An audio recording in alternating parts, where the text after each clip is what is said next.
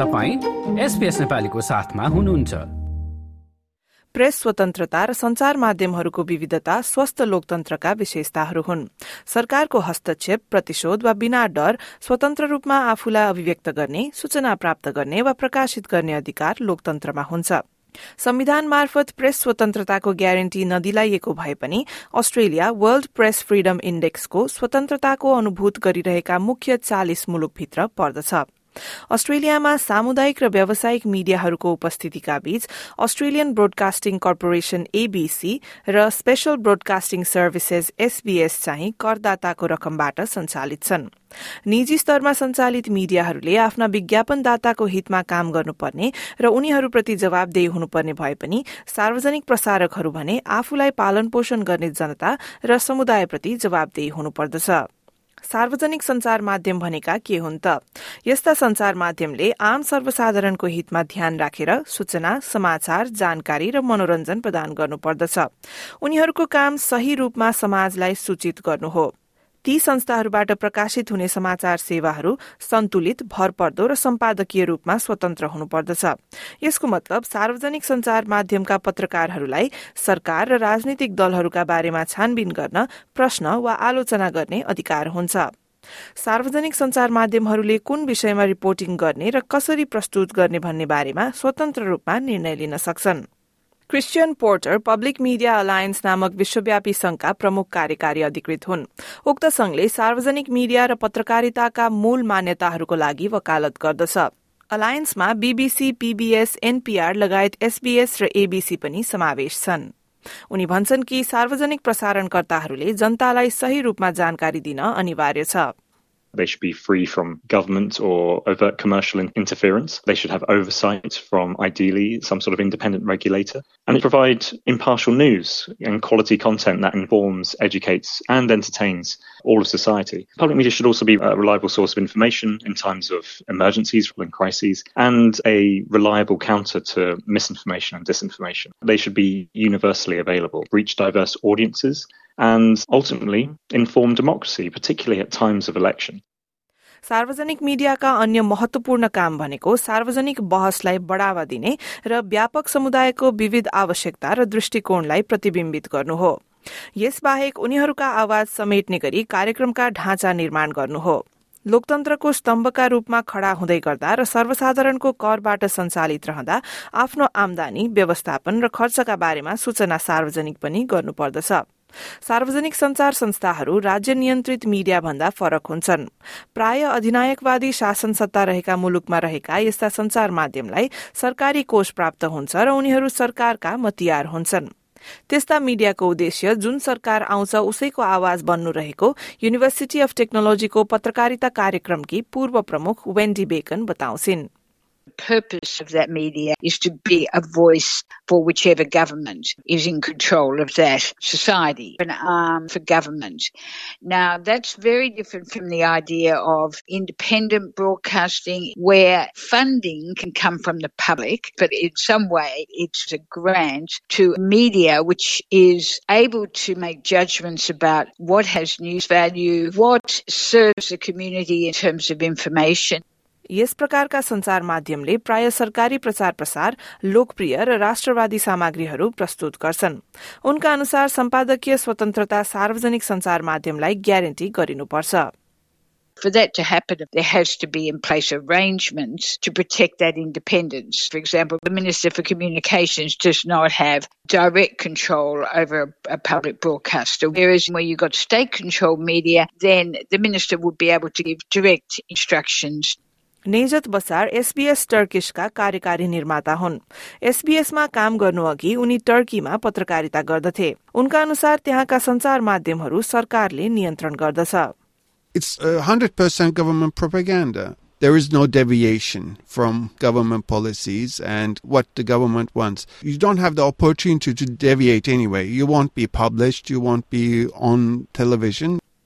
सरकारी आदेश पालना नगरे पत्रकारका लागि खतरा हुने उनी बताउँछन् Turkey passed a law that has made illegal to propagate falsehoods. So any journalist that makes a story deemed false by the government can be imprisoned up to three years. Certain laws limit what you can cover. So once or twice you try to be brave to push the envelope. You're either attacked by lawyers or prosecutors or government's online trolls. But after a while, you learn your lesson and you censor yourself. You just give up and just focus on safe subjects. टर्कीको press स्वतन्त्रता र अस्ट्रेलियामा धेरै भिन्नता रहेको उनको भनाइ छ Here, we can call the government to account for its actions. In Turkey, there is no such thing. There is Australia's very tough media laws. But these rules do not set limit to the content and what you can cover and how you can cover it. अब SBS र एबीसीको भूमिकाबारे चर्चा गरौं। सार्वजनिक सेवा अन्तर्गत सञ्चालित यी दुवै संस्थाका आफ्ना चार्टर सम्पादकीय नीतिहरू र अभ्यास कोडहरू छन् जसका माध्यमबाट प्रकाशित वा प्रसारित हुने सामग्रीहरू निष्पक्ष र सन्तुलित हुन्छन्। यी दुई संचार माध्यम मध्ये एबीसी ठूलो संस्था हो भने यसका दर्जनौ क्षेत्रीय र अन्तर्राष्ट्रिय ब्यूरोहरू छन्। अस्ट्रेलियाका सबैजसो मुख्य शहरहरूमा यसका कार्यालय र स्टुडियोहरू छन्। श्रोता दर्शक र पाठकका भिन्ना भिन्नै रुचिलाई ध्यानमा राख्दै एबीसीले रेडियो र टीभी सञ्चालन गर्दछ। समाचार वा बालबालिकाका मनोरञ्जनका लागि समर्पित टीभी च्यानलहरू समेत यसले प्रसारण गर्दछ। गुणस्तरीय पत्रकारिताका लागि एबीसी परिचित छ। संकटका बेला जनतालाई सूचित गर्ने तयारीका बारेमा शिक्षित गर्ने र अध्यावधिक जानकारीहरू दिने काम एबीसीले गर्दछ। एबीसीका समाचार विश्लेषण र अनुसन्धानका पूर्व निर्देशक ग्याविन मोरिसको भनाई यस्तो छ। In recent years, that has grown for the ABC because of its big regional and rural footprint, where emergency broadcasting and the provision of emergency information is more central to its role than it's ever been. यता SBS भने अस्ट्रेलियाको बहुसांस्कृतिक र बहुभाषिक राष्ट्रिय सार्वजनिक संचार माध्यम हो। एबीसीले जस्तै सेवा दिने भए पनि यसका टेलिभिजन च्यानलहरूमा अन्तर्राष्ट्रिय सामग्रीका साथै अंग्रेजी लगायत अन्य विभिन्न भाषामा समाचारहरू प्रकाशित हुन्छन्। अंग्रेजी पहिलो भाषा नभएका मानिसहरूका लागि उनीहरूका आफ्नै देशका सूचना र मनोरञ्जन एसबीएसले प्रस्तुत गर्दछ। एसबीएसले आदिवासी टेलिभिजन एनआईटीभी पनि सञ्चालन गर्दछ जसका सामग्रीहरू आदिवासी समुदायका परिप्रेक्ष्यलाई ध्यानमा राख्दै निर्माण गरिएका हुन्छन्। शुरूमा एसबीएसको स्थापना आप्रवासीहरूलाई स्वास्थ्य सेवा कहाँ लिन सकिन्छ भनेर जानकारी दिनका लागि भएको थियो। सन् उन्नाइस सय सत्तरीको मध्यतिर प्रसारण शुरू गरेको एसबीएसले शुरूमा सरकारी अनुदानमा दुईवटा भाषामा र आठवटा अन्य भाषामा स्वयंसेवकहरूको मद्दतले कार्यक्रम सञ्चालन गरेको थियो। वर्तमान घड़ीमा एसबीएस निकै ठूलो भइसकेको छ जहाँ साठी भन्दा बढ़ी भाषामा रेडियो कार्यक्रम डिजिटल समाचार र पोडकास्टहरू प्रसारण हुन्छन्। सेटलमेन्ट गाइड पनि यसको एक भाग हो। एसबीएस अस्ट्रेलियामा विभिन्न भाषा बोल्ने मानिसहरूका आवश्यकताहरूप्रति लक्षित रहेको एसबीएस अन्तर्गतको अडियो एवं भाषा सामग्रीका निर्देशक डेभिड हुवा बताउँछन्। SBS was set up very um, distinctively to service multicultural and multilingual Australians. Now, that's not to say that the ABC doesn't have multicultural Australians in its charter, but SBS is particularly chartered for that reason. अस्ट्रेलियाको सरकार कर्मचारी तन्त्र विद्यालय प्रणाली आपतकालीन प्रणाली जस्ता चीजहरू कसरी काम गर्छन् भन्ने कुरालाई जनताले राम्ररी बुझ्न सकुन् भन्ने उद्देश्यले सञ्चालित रहेको उनको भनाइ छ it is very much targeted to audiences in Australia who speak different languages, and their needs are very, very broad. The service is designed to help people understand as much as possible about Australia, the way in which things work, including our government, our bureaucracy, our school system, our emergency systems, and the like, so that people are off to the best possible start. अब अस्ट्रेलियाका व्यावसायिक मीडियाबारे कुरा गरौं। लोकतान्त्रिक मुलुकमा व्यावसायिक मीडियाको पनि उत्तिकै आवश्यकता रहेको हुन्छ। सार्वजनिक एवं व्यावसायिक संचार माध्यमहरूमा कार्यरत पत्रकारहरूको ठूलो संगठन मीडिया एन्टरटेनमेन्ट र आर्ट्स अलायन्सकी मीडिया विभाग निर्देशक क्यासी डेरिक व्यावसायिक मीडियाको भूमिका महत्वपूर्ण रहेको तर्क गर्छिन्। The role of commercial media is also really critical in that it can either be more niche or at least provide a different perspective. And I think it's really, you know, it's really crucial that people who are in Australia have access to as many different perspectives and as many different approaches to telling stories as possible. Professor Wendy बेकनसँग पनि सार्वजनिक र व्यावसायिक मिडियामा काम गरेको अनुभव छ। उनका अनुसार व्यावसायिक मिडियाका केही सामग्रीले सार्वजनिक चासोमा निकै राम्रा विषयहरू उठान गरे पनि उनीहरूका अधिकांश सामग्रीहरू पाठक दर्शक वा श्रोताको ठूलो हिस्सालाई आकर्षित गर्ने र त्यसबाट राजस्व बढ़ाउन डिजाइन गरिएका हुन्छन्।